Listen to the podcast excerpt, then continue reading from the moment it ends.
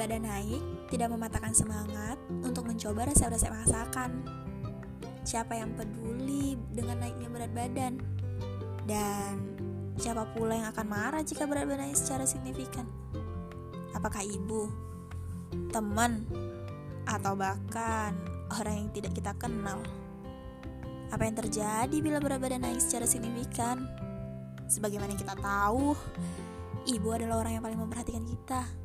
Dan sebagai makhluk sosial, kita juga mempunyai teman yang peduli dengan apa pun yang terjadi dan bersangkutan dengan kita. Saya agak ragu menuliskan keburukan ini. Naik berat badan bukanlah hal yang langka, namun di sebagian orang yang ingin tampil perfect, itu merupakan masalah besar atau bahkan akhir dari segalanya. Sebagaimana kita rasakan dampak COVID-19 di mana semua kegiatan kita dirumahkan. Apa yang bisa kita lakukan ketika kuliah online? Saya hanya bisa rebahan saat kuliah online berakhir dan men-scroll semua sosial media yang saya miliki. TikTok merupakan salah satu aplikasi yang sering saya lihat hanya mediakan hiburan, banyak konten dedikasi yang bisa kita lihat di sana. Seperti resep masakan. Dari Ed bukan anak dapur. Cara penyampaiannya tidak membosankan dan sangat mudah untuk diikuti. Di sinilah masalah berat badan mulai dimulai karena suka mencoba resep masakan dan malas untuk berolahraga akhirnya berat badan naik secara signifikan bahkan ibu selalu marah ketika kedapatan melihat saya makan cemilan sambil berselancar kaki dan fokus nonton drama Korea serta tidak membereskan kemasan dan piring kotor yang berserakan di sekitar saya.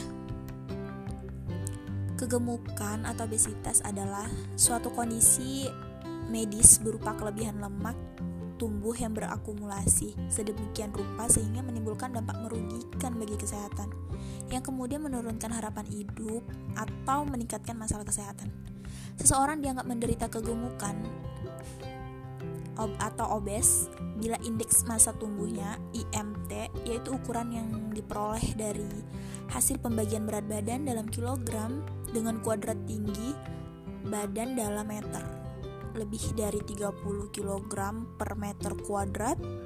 Kegemukan meningkatkan peluang terjadinya berbagai macam penyakit, khususnya penyakit jantung, diabetes tipe 2, apnea, tidur obstruktif, kanker tertentu, osteoartritis, dan asma. Kegemukan sering disebabkan oleh kombinasi antara asupan energi makanan yang berlebihan, kekurangan aktivitas fisik dan keberata genetik.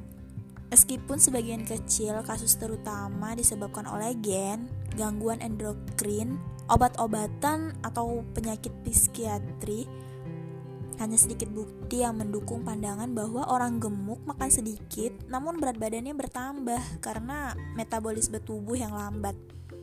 Rata-rata orang gemuk mengeluarkan energi yang lebih besar dibandingkan orang kurus karena dibutuhkan energi untuk menjaga masa tubuh masa tubuh yang lebih besar. Memasuki new normal, akhirnya saya bisa berjumpa teman sambil merefreshing keadaan karena bosan di rumah setelah beberapa bulan. Kesan pertama ya tentunya gendutan ya sekarang. Kok makin gede aja tuh badan? Gendutan banget kamu sekarang. Hmm, aku gendutan karena makan nasi, woi. Gak makan teman, jawabku dalam hati. Belum lagi kalau lagi di jalan di luar. Atau lagi jalan-jalan di mall. Tetapan orang yang tidak dikenal akan mengintimidasi. Bersikap bodoh amat dan tidak menghiraukan mereka adalah tamengku. Sebenarnya orang gendut itu dia tahu kalau dia gendut, tapi tanpa kalian katain juga dia sadar Lagian, gendutan, jerawatan, kurusan, muka kusam Itu tuh wajar-wajar aja Toh semua manusia pasti alami seiring bertambahnya umur. Dan pastinya tidak merugikan siapa pun. Selagi mereka masih sehat-sehat saja Dan nyaman serta bahagia dengan hidup yang dijalaninya. Lagian tidak punya Kalian tidak punya hak untuk menghakiminya Kita hidup di dunia untuk menjadi manusia, bukan untuk bikin orang lain terkesan.